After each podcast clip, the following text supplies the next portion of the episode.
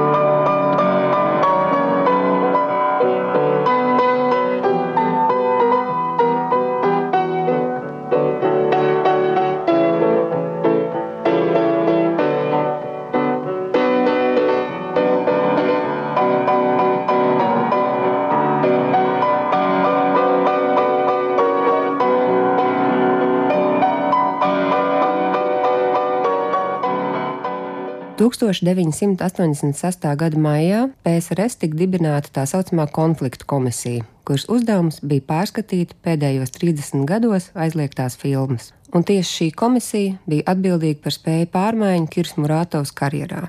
Filmas īsās tikšanās un ilgās atvadas tika izņemtas no plauktiem, un pēdējā 1987. gadā saņēma Fipreskī balvu Lokarno kinofestivālā. Turklāt režisorei tika atļauts atkal filmēt un piedāvāt pašai savus projektus. Murāto piedāvāja divus - Somerseta Moēma stāstā balstīto likteņu pavērsiens un astēnisko sindromu. Lai arī studija izvēlējās pirmo, Murāto uzfilmēja abas, un tieši astēniskais sindroms kļuva par vienu no režisora nozīmīgākajiem darbiem. Filma, kur sastāv no divām daļām un kuras scenārijs veidots kopā ar Aleksandru Černihu un Sergeju Popovu, veidots pēc principa filma filmā.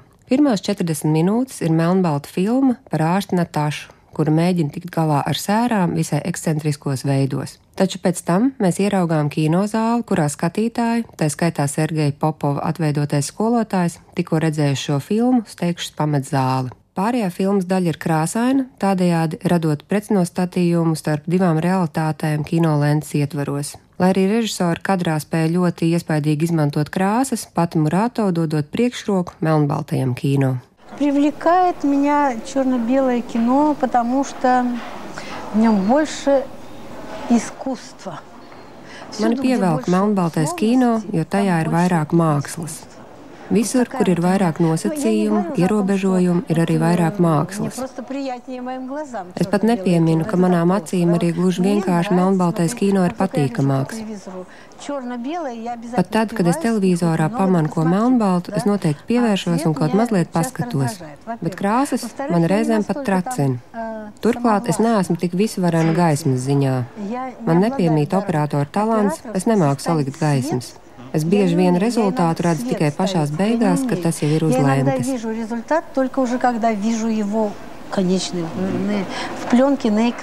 Astēniskā sindroma ceļš pie skatītājiem arī nebija viegls. 1989. gadā PSRS cenzūra bija pret šīs filmas publisku pirmizrādi, jo filmas beigu daļā dzirdams, kā sieviete rūpīgi lamājas. Taču Odesas kinostudija Lenti pieteica Berlīnas kinofestivālam, kur tā ieguva sudraba lāci un, pateicoties saviem starptautiskajiem panākumiem, tika apstiprināta izrādīšanai arī PSRS. Par spīti tam, ka filma bija kļuvusi par padomju varas norietu simbolu. Pie jūras klimats par kino. Pirmais Kirs Murātovs darbs, kurš iznāca pēc Padomju Savienības sabrukuma, bija 1992. gada filma Jūtīgais milicis. Lai arī jaunie politiskie apstākļi nesa dažādas citas brīvības, Kira Murāto bija kļuvusi par finansiālu grūtību nomāktās Ukrainas pilsoni. Kā atceras Renāta Litvīnova, Odesas kino studijā bieži bijis tik augsti, ka skaņas studijā nācies nemitīgi kurināt krāsni, bet aktieri savus tekstus ieskaņojuši tērpušies ārā drēbēs. Kādā reizē pat aizdedzies Litvīnovas kažoks. Taču Murātova tāpat palika uzticīga Odesai un par jauno laiku nestajām grūtībām teikusi, ka, lai arī visi sūdzas par naudas trūkumu un grūtībām ar filmu izplatīšanu, šīs problēmas esot dabiskas. Tāpat laikā padomju laika ideoloģijas radītās grūtības esot bijušas nedabiskas, tāpēc to nevarot salīdzināt. Bet par pašu Odesu Kira Murātova sacījusi: Es mīlu to pilsētu, to studiju, es tur ļoti labi jūtos. Tur ir iespēja filmēt, bet jaunā vietā vēl nav zināms, būs vai nebūs. Turklāt Odesa nesagrūst, tā lēnām slīd iekšā jūrā un saka, ka pēc pieciem, desmit gadiem tās vienkārši nebūs, kā Venecija. Un tas taču ir tik interesanti dzīvot tādā pilsētā. Tagad paklausīsimies romānsi no filmas Čehova motīvi - Bigut naši dņi. И снова живем мы в волшебной стране, и светом наполнилась Oh.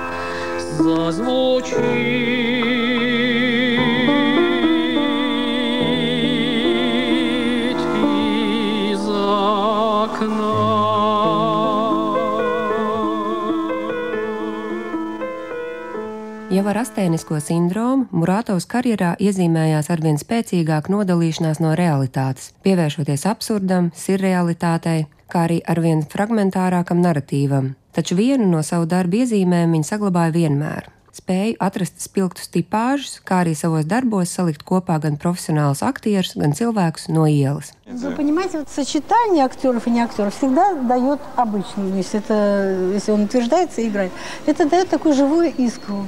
Потому что из Saprotiet, актеров aktieru un neaktieru вытаскивается apvienojums человек. vienmēr, ja viss izdodas, dod tādu dzīvu dzirksteli. No aktiera tiek izvilkts laukā cilvēks. Так как он начинает немножко или обижаться, что его снимают не актером.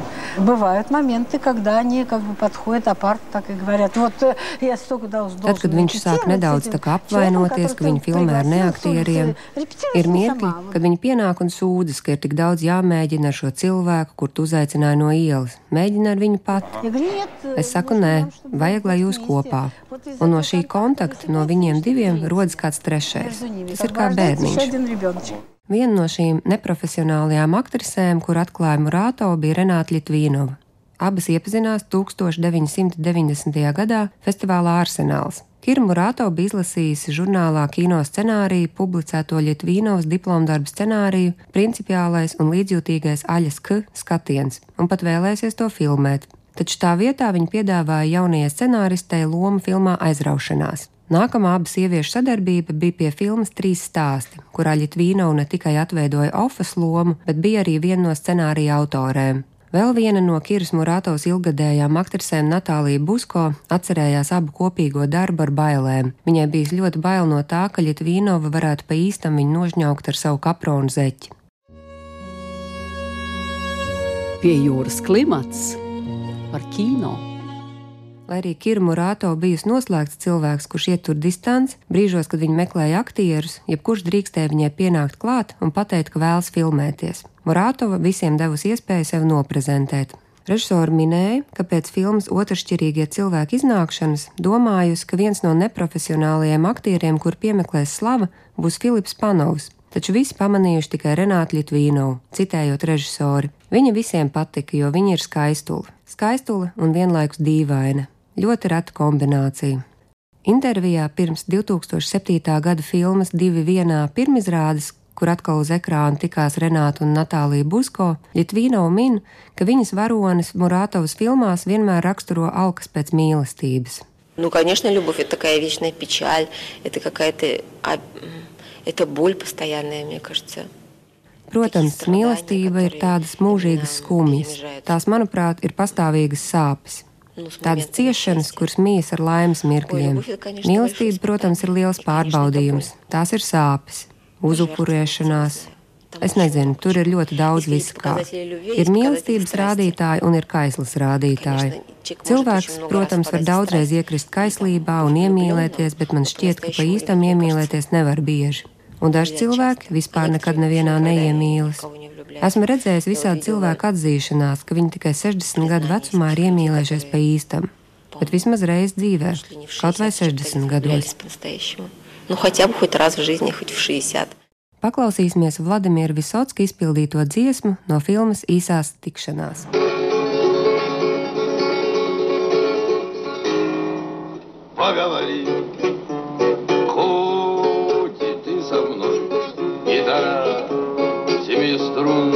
Семиструнная, вся душа, вся душа полна тобой, а ночь такая лунная игра.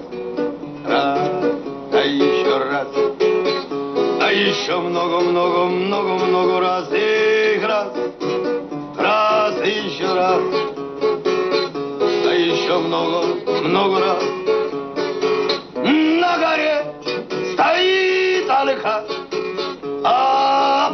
Горою вишня полюбил. Цыганку я. Она, она замуж вышла, эх, раз, раз, да еще раз, а еще много, много раз, эх, раз, да еще раз, а. Kirs Murātovs filmām tika pārmests, ka tās ir pārāk nesaprotamas, ciniskas, mizantropiskas, ka pēc to noskatīšanās vairs nesot vēlmes dzīvot. Taču tās visas caurvīja mīlestība. Varbūt nevienmēr redzam varoņu savstarpējās attiecībās, bet sajūtam režisors attieksmē pret pasauli, cilvēkiem un dzīvniekiem. Murātovs spēja savīt kopā it kā nesaistītas etīdes un mirkļus no dzīves, rada neparastu universu, kurā ir maz no realisma, bet daudz no patiesības par cilvēcisko dabu. Turklāt visas filmas raksturo patiesu mīlestību pret kino. Kadri ir piepildīti ar dažne dažādiem sīkumiem, mizanscēnas atgādina ikdienišķas ainas, kurām piešķirta gleznieciska kvalitāte. Kirmu Rātova nekad nav stāsta vergs. Viņa ir teikusi, ka montējas viss, un ka montāža ir īstais dramaturgs. Un visam pāri vienmēr ir labdabīga ironija par pasauli, par sevi un par kino.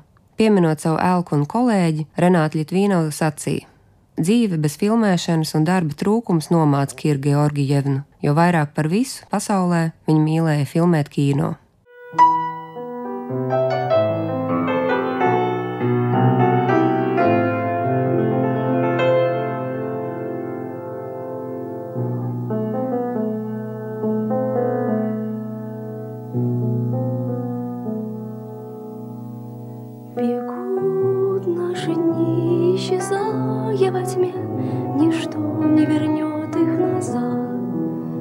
Но снова звучит, приближаясь ко мне, Этот день, эта ночь, этот сад.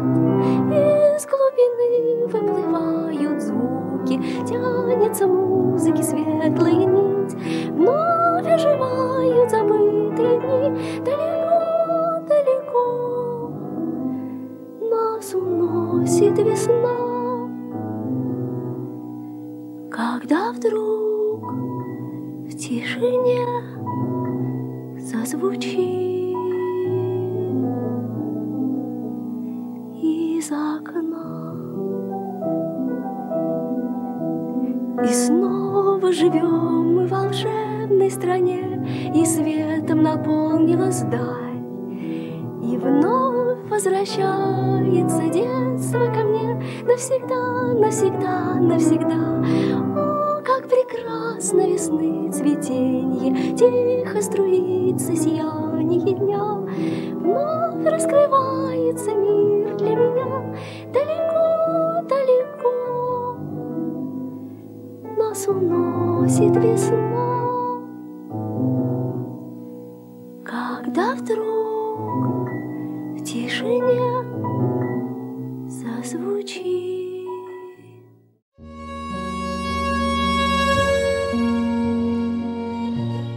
Raidījumu vadīja Marta Elīna Martinsone, raidījumu montēja Andra Černievska, raidījumu piejūras klimats producente Inga Saksona. Raidījums tapis ar valsts kultūra kapitāla fonda finansiālu atbalstu.